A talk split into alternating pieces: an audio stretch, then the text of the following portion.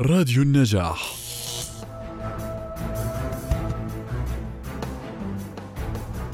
بدايتها بيضاء خالية بين جنبات دفتر أو على سطح مكتب وقد تكون مسطورة ومخطوطا عليها بين دفتي كتاب ثمين تطويها وفي جيبك تخفيها وقد تحني طرفها الأعلى علامة على شيء مهم أو دلالة ترجع لها متى احتجت. تخط عليها كلماتك وعباراتك وليس يهم نوع الكلمات أو طبيعة العبارات. ليس يهم نوع الخط وشكله حجمه وجماله كل ذا ليس يهم.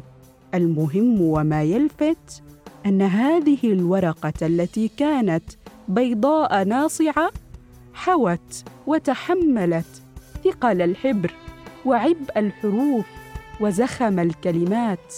حوتها كلها دون أن تلفظ كلمة أو تنبذ عبارة أو تتعالى على تقبل مفردة.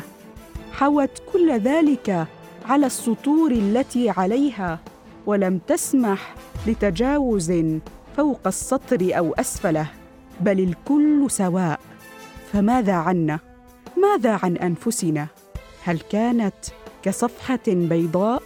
فحوت كل الناس على اختلافهم وتقبلتهم وما همشت أحدا منهم أو اعتبرت أحدهم أسفل السطر أو دونه.